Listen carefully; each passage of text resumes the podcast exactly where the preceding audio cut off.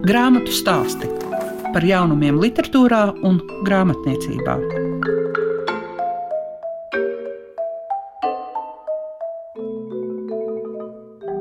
Esiet sveicināti visi tie, kas klausās klasiku, kas šobrīd ir grāmatu stāstu varā. Kopā ar jums esmu es, Liega Piešiņa. Un atgādinot, ka 4. un 5. novembrī interesantiem jādodas uz grāmatu svētkiem Latvijas Nacionālajā bibliotekā, mēs pievēršamies Ingūnai Bauerei un vēl dzērbenes vectēva stāstiem. Grāmatu stāsti programmā Klasika. Ja mēs runājam par Ingu un Baueru, tad iesākusi ar aprakstiem un stāstiem neliterāriem ievā, pēc tam ir lata romāni. Vairāk jau mēs no Ingūnas Baueras gaidām vēsturiskos romānus. Tagad ir divi, var teikt, ka pat kā sērija - Elīze Fondera Reke, Soļa rītausmā un um, Doroteja izredzētā nonāks pie lasītājiem, kas aizved jau uz 18. gadsimtu, ne tikai 19. kad, kā saka, slavenu vīru sievas tika iepazītas. Bet ar ko tas viss Ingūna aizsākās? Tas viss, tu domā, ko? Interesi par vēsturi. Oh, interesi par vēsturi. Tas pavisam sen jāsaka tā, jo bija laiks, kad es strādāju Vecpiebalgas vidusskolā. Mācīju gan priekšmets pavisam tādus, kas saistīti ar manu pamatprofesiju. Es esmu beigus celtniekus, un tā bija rasēšana un vēl tur šis tas. Un tad bija viens mirklis, pēc tam, kad pabeigus bija pedagoģijas maģistrus, ka vajadzēja skolā kultūras vēstures skolotāju, jo kultūras vēstures priekšmets ienāca kā jauns priekšmets skolās. Mani aizsūtīja uz kursiem, bija labais jaunības laiks, un likās, kāpēc ne, bet nu, tas īsti tā nopietni nopietni nebija. Vienkārši, lai būtu stundu vairāk, un tā, bet galu galā tas man ļoti ieinteresēja viss. Un tā bija ļoti liela mācīšanās, tā bija ļoti liela kursu apmeklēšana, un tas bija ļoti liels pašmācības periods. Un tad, sākot mācīt kultūras vēstures skolā, es aptvēru sāku aptvert, kas tā ir par, kā saka, lielu lietu. Un arvien vairāk iedziļinoties, sapratu, ka Latvijas kultūras vēsture. Tieši manas zemes, manas tēvzemes kultūras vēsture, cik tā ir bagāta, daudzpusīga, cik daudz ir bijuši nozīmīgas personības, par kurām nezinu pati un nezinu mani līdzcilvēki. Un tad pamazām tas sākās. Sievietes ir lielākas lasītājas, un šobrīd, 21. gadsimtā, jau mēs tā īsti nemaz nevaram iedomāties to situāciju, kāda bija šajā 18. un agrākos, un arī vēlākos gadsimtos par sieviešu tiesībām. Bet tu neesi feministe. Tu kaut kā mazliet savādāk pasniedz to un parādi, cik laimīgām mums ir jābūt šodien, rakstot par 18. un 19. gadsimtu. Par feministu man noteikti nevar nosaukt.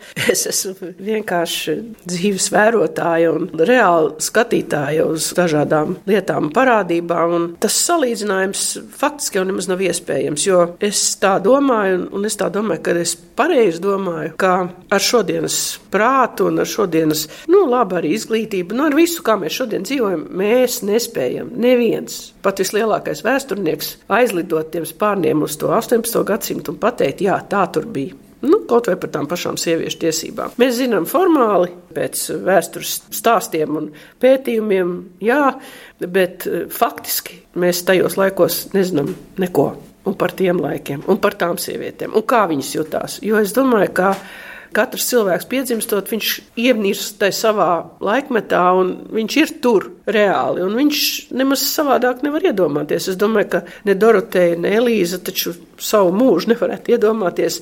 Es nezinu, kaut vai kari, karietas vietā, kaut vai ka viņi brauktu ar apsildāmu Volvo, nu, sēdēt divānā un šļūcīgi uz priekšu. Kad viņas tajos savos lielos pasaules ceļojumos devās, Doroteja, piemēram, nu, arī Elīza uz ārzemēm ar savu karieti, tad jau viņai jau šķita, ka tas jau ir jau kaut kas, ka karietē varēja gan gulēt, gan sēdēt, gan izvilkt rakstām galdi. Nu, varbūt iepriekš arī tas nebija iespējams. Nu, katrs dzīvo savā laikmetā, un viņā tajā laikmetā ir labi. Un viņš pat nemaz nesapņo, ko mēs sapņojam kaut ko par kosmosa kuģiem. Kaut kas jau būs, it kā mums viss notiek vienādi sievietēm, vai tajā laikā, vai šajā laikā, bet kā mēs ar to tiekam galā, tur atkal ir ļoti bezgalīgi daudz dažādu nianšu. Un, un tur tik var domāt un spriest un skatīties, nu, tur skaties, tur rundālē skaties labi augstzimušajām dāmām, viņu poda krēslu un vispārējais, bet kā bija zemnieku meitenēm, kā bija ar higiēnas precēm, absolūti nekā nebija. Kā bija ar, ar zobu tīrīšanu, ar labošanu, ar, ar matiem, ar sirmošanu, ar, nu, ar visu ko. Kā akmens laikmetā? Nu, Tu zini, gluži varbūt tā nemaz arī nebija, jo visu laiku jau tika domāts. Un nepavēlti jau Kleopatra tur mazgājās kādās tur piena vanniņās, un arī šās augstzimušās dāmas dažādas skaistumkopšanas procedūras piekopa, un gan jau ka palīdzēja. Bet ko mēs zinām? Mēs to nezinām. Mana mamma vienmēr saka, vecuma traģēdija ir tā, ka tu esi vecs, bet jūties vēl jauns. Nu, jā, nu tā jau ir, bet, nu, bet jūtamies jau. Vēl jau var uzlikt nagus, piekārt ragus. Toreiz nebija tāda iespēja. Nekāda pat daktera nebija. Ja tev kaut kas kaitēja, mirsti nost. Ja tu piedzemdē neveiksmīgi, mirsti nost. Bērnu zaudē vienai uz otru, tas nelikās kaut kas tāds. Tad, kad tu sāki rakstīt soļu rītausmā, tā Elīza Fondera Reke, vai tad jau tu zināji, ka būs arī Doroteja izredzētā? Nē, bet vienkārši viens pavelk otru līdzi, jo tik daudz bija to materiālu, kurus es lasīju, apguvu un sameklēju. Un redzi, tā otra grāmata pat mazliet biezāk sanākusi par to pirmo ir, jo par hercogiem bija vairāk atrodams kā par Elīzu. Un viena no otras negribējās laist zudumā to, ko es zinu, un šķiet arī interesanti, ka tas ir, un arī lasītāji atzīst, ka ir interesanti, jā. Kuram tad nepatīk lasīt par princesēm? Bet ar ko sākās Elīze? Ar to, ka Kā vienmēr es interesējos par sievietes dzīvi, tieši arī iepriekšējos romānos, kas ir par mazliet vēlākiem laikiem. Bija daudz rakstīts par zemnieku sievām, bet es domāju, kā tās mūžnieces dzīvoja. Jo skatoties tīri fiziski, bioloģiski, nemaz nekāda liela atšķirība nebija. Jo arī viņām tāpat, tad, kad eh, izgāja pie vīra, kad sāka dzimt bērni, tad 12, 14 Cik izdzīvoja, tik izdzīvoja, cik nē, tik nē. Nu, vārdu sakot, tāda ļoti liela atšķirība, izņemot to, ka viens stāvēja zemāk un otrs augstāk, nemaz nebija. Viņas tāpat bija savu vīru verdzenes, varētu tā teikt. Un, un teikšanas nebija nekādas, jo par Elīzu runājot, viņa bija viena no pirmajām, kas vispār tajā laikā, nu, tas ir 18. gadsimta beigas, pieprasīja šķiršanos un aizgāja no savu vīru projām. Tas bija kaut kāds furors. Tūlīt tas visa ģimene no viņas novēršās, tūlīt eh, visi viņu nosoda baksta pirkstiem. Nu, viņai apgaismības laikmetu to ideju, to iespējā viņa atļāvās vairāk, jo vienmēr ir kāds, kas atļaujas vairāk un vienmēr kāds, kas nobīstās un nedara. Un tad tā doma man bija, kā tad viņas dzīvoja tad es meklēju, vienkārši ieliekot googlē. Mūžniece Latvijā, jo viens otrs mūžkungs savus atmiņas bija atstājis, kaut kur varēja atrast. Un tad uzgāju, ka ir tāda grāmata, kādas mūžnieces atmiņas, Elīze Fondereka. Tas bija tulkojums no viņas dienas grāmatām, piezīmēm. Nepilnīgs gan Edgars Ceska tulkojis no vācu valodas, un tad sāku lasīt meklēju, pirms kur atrast. Atradu Pilsrundāles bibliotekā, man atsūtīja palasīt, un tad tas notika. Vienkārši aizrakstījās. Šīs pusmāsas ir uh, ļoti atšķirīgas. Ļoti atšķirīgas, jā. Bet, nu, zini, septiņu gadu starpība arī daudz ko dod. Un, protams, kā Elīza, viņa sākumā bija galvenā. Mazā Doroteja vienmēr apskauda viņu, ka viņa visur tika izlikta kā pirmā persona, un viņa tika apbrīnota un vispārējais. Bet pēc tam, kad hercogs Pēters apprecēja mazo Doroteju, viņai bija tikai 18 gadi. Viss strauji mainījās, un Elīzes nelaimīgā laulības dzīve ar Fondereki, jaunpils īpašnieku, tā viņu kaut kā ļoti nogrūda no līdzsvara. Īstenībā jau nu, nekāda foršā dzīve nebija nevienai, ne otrai, es teikšu, kā ir. Nevienīgi, ka Doroteja dzīvoja lielā bagātībā, bet ne jau tas cik daudz ir naudas, izsaka to, cik tu esi laimīgs šajā dzīvē. Ja mēs runājam par Elīzu un Doroteju, vai kādu no viņām tu gribētu par savu draugu? Nē. Nē, Elīze, tāpēc, ka viņa ir tāda ļoti paštaisna. Mēs nevaram būt draudzenes nekādā gadījumā, jo mēs dzīvojam katra pilnīgi dažādās pasaulēs.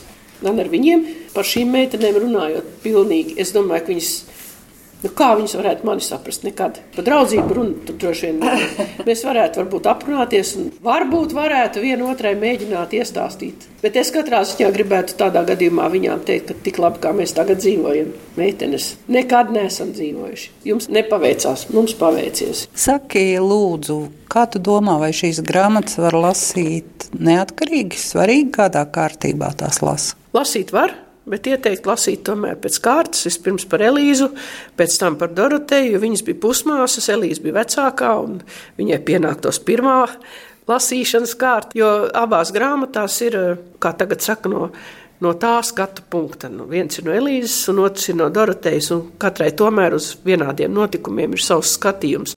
Var lasīt arī atsevišķi, bet es neesmu speciāli centusies kaut ko baigt tur turpināt no vienas otrā. Es ieteiktu tomēr vienais otrs. Grāmatu stāsti tiem, kam grāmatu lasīšana ir vērtība. Grāmatu stāstos šodien pievērsīsimies dzērbenes vecstāvu stāstiem. Un tas, kas šo grāmatu raksturos, ir Ērika Maldere. Jūs arī pat esat šo grāmatu sarūpējusi gan vizuālā, gan tekstuālā ziņā. Vai tas ir tāpēc, ka jūs jau septiņus gadus esat dzērbenes iedzīvotāji? Kāpēc es to darīju? Tāpēc, ka es ieraudzīju tos tekstus, lasīju, un man tūdaļ vizualizējās acu priekšā, kā tā būtu skaista grāmata. Un interesanti lasīt to būtu, jo tie teksti ir tik dzīvi, un viņi ir tieši pa tām vietām, kur es tagad staigāju, kur arī mans lauka īpašums ir, un kur gan pats rakstītājs, gan viņa vectēvs ir staigājuši un darbojušies. Kā jūs nonācāt pie tiem tekstiem? Dzērbinē darbojas novadpētnieku klubs Serben, un viņa vadītāja Mārīta Šķēle ir savākus dažādus materiālus, un es pamanīju šos tekstus, ko Mārīta sāk lasīt, un rādīja man, Un tā mēs pie viņiem nokļuvām. Tas stāsts ir tāds, ka pats slaidiņš esot viņus atdevis Madonas muzejam, Madonas muzejs vēlāk atdevis Cēsu muzejam, Cēsu muzejs vēlāk atkal Taurenas novadpētniecei, un viņa atkal Mārītei, un tā no roku rokās kā lokāls nozīmes materiāli beigās nokļūst pie manis, un man tas atkal liekas Latvijas mēroga svarīgs materiāls. Es jūsu mājā dzērbenē redzēju ka jums ir, kā mēs varam teikt, hernhūtiešu pēcteču burtnīcas. Dzērben arī ir viena no tām vietām, kur hernhūtieši ir bijuši un, un, kā saka, mēģinājuši celt savu gaismu, vai tam mēs varam atrast ko kopīgu arī ar slaidiņa rakstīto. Es izvirzu tādu hipotēzi tai visā, jo izzinot dzerbenes vēsturi, es uzzinu, kā tā kustība ir veidojusies, ka mums ir bijis savs saku tētiņš, kurmu anšs, un uh, uzzinot to, kāda vispār ir hanhūtieši, kā viņi ir darbojušies, un viņiem ir tas noteikums bijis dokumentēt tā gadni, to, ko viņi dara, nu arī tās senču zinības, nu savā noskaņā, un uh, tur stāv tieši tas uzsvars uz to dokumentēšanu, un tāpēc es domāju, ka šī tradīcija dokumentēt, jo katrs otrais Katrais senos laikos ir rakstījis dienas grāmatas, kur nu kāds liktenis katrai no viņām ir, tas ir neatšķetināmi, bet dažas burtnīcas nonāk, es gan neteiktu tās, ka jūs redzējāt, viņas ir tieši hernhūtieši, bet viņas ir dokumentētas, jā, tie ir atkal citi stāsti, kas iespējams varētu būt cita grāmata, jau cits materiāls, pie kuras nākotnē varētu strādāt.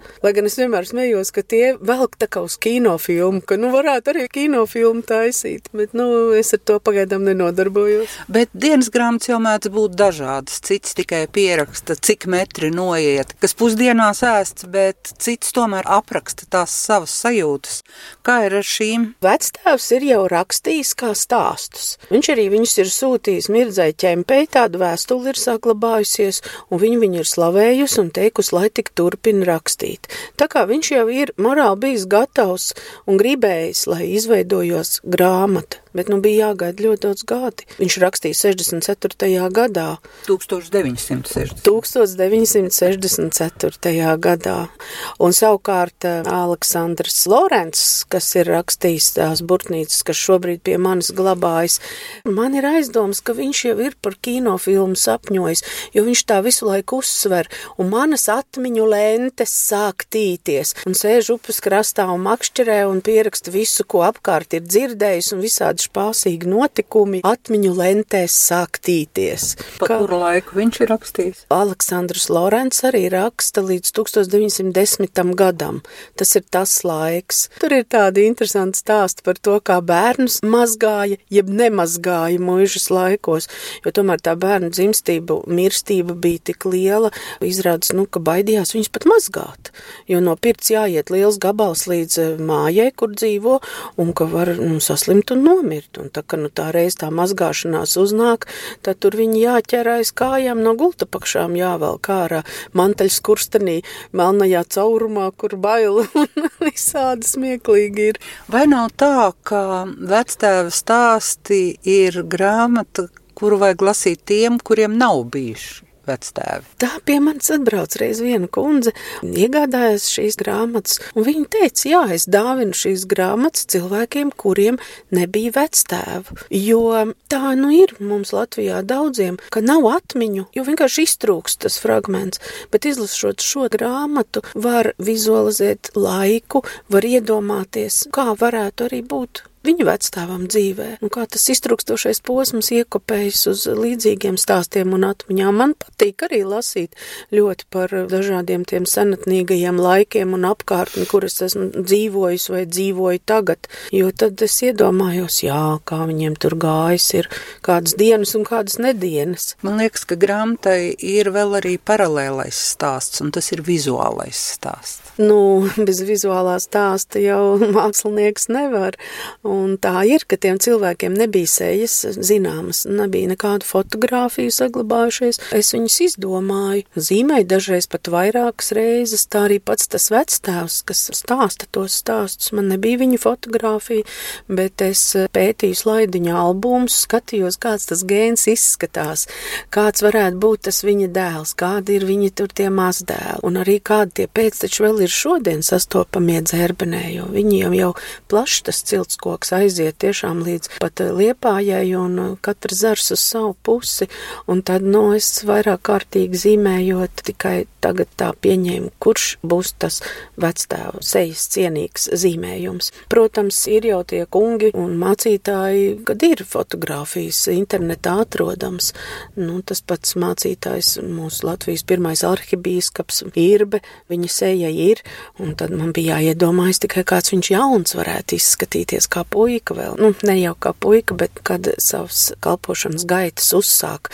kā slaids, gaišmatains, spēcīgs, gara auguma, latviešu jauneklis. Kas ir zināms par šo slaidiņu, jo mēs tā runājam un viņu vārdā nemaz nenosaucam tik uzvārdā? Pats rakstītājs Jānis Slaidiņš sākotnēji man likās, nu kāds lauka onkulītis. Nu, es tā pieņēmu, mācēju rakstīt, rakstīju, bet jo vairāk es te visā iedziļinājos, jo vairāk es sapratu, cik gudri mācīti ļaudis dzīvoja dzērbenē. Un ne tikai dzērbenē, jāsaka, Latvijas laukos, tas priekšstats, kā tur arājs novalkā tā linu kreklā, no noracies pa zemes darbiem, ir gauži nepareizs. Pat arī citas paralēlas dzimtas pētot un skatoties, redzot eh, fotogrāfijas, es redzu, ka senču mājās jau var runāt par interjeru, var runāt par viņu apģērbu, kas ir tā laika Latvijas inteliģents ārējais izskats.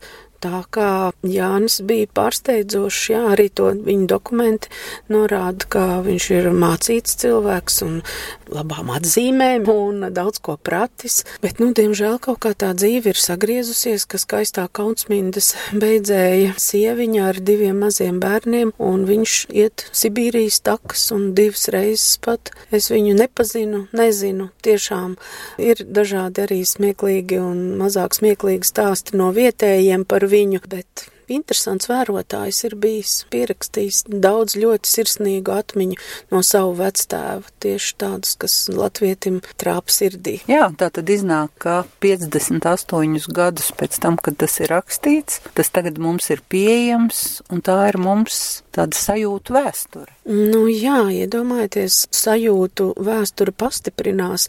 Man iedomājoties, ka vienam cilvēkam ir jāgaida 58 gadi pēc viņa nāves, kā tiek izdot šāda grāmata, un ka to pateicoties vidzemes kultūras programmā bija iespēja realizēt šādu, nu, fantastisku sapni. Es priecājos, ka Jānim izdevās, tas ir jauki. Grāmatu stāsti programmā Klasika. Izskan grāmatu stāsti. Jūs dzirdējāt Ingūnu Baueri, kura stāstīja par grāmatām Elīze Fandere Eke soļa rītausmā un Doroteja izredzētā, kas ir stāsts par divām pusmāsām, katra no savas pozīcijas kopīgo laiku ir aprakstījušas, kā arī dzirdējāt par dzērbenes vectēva stāstiem.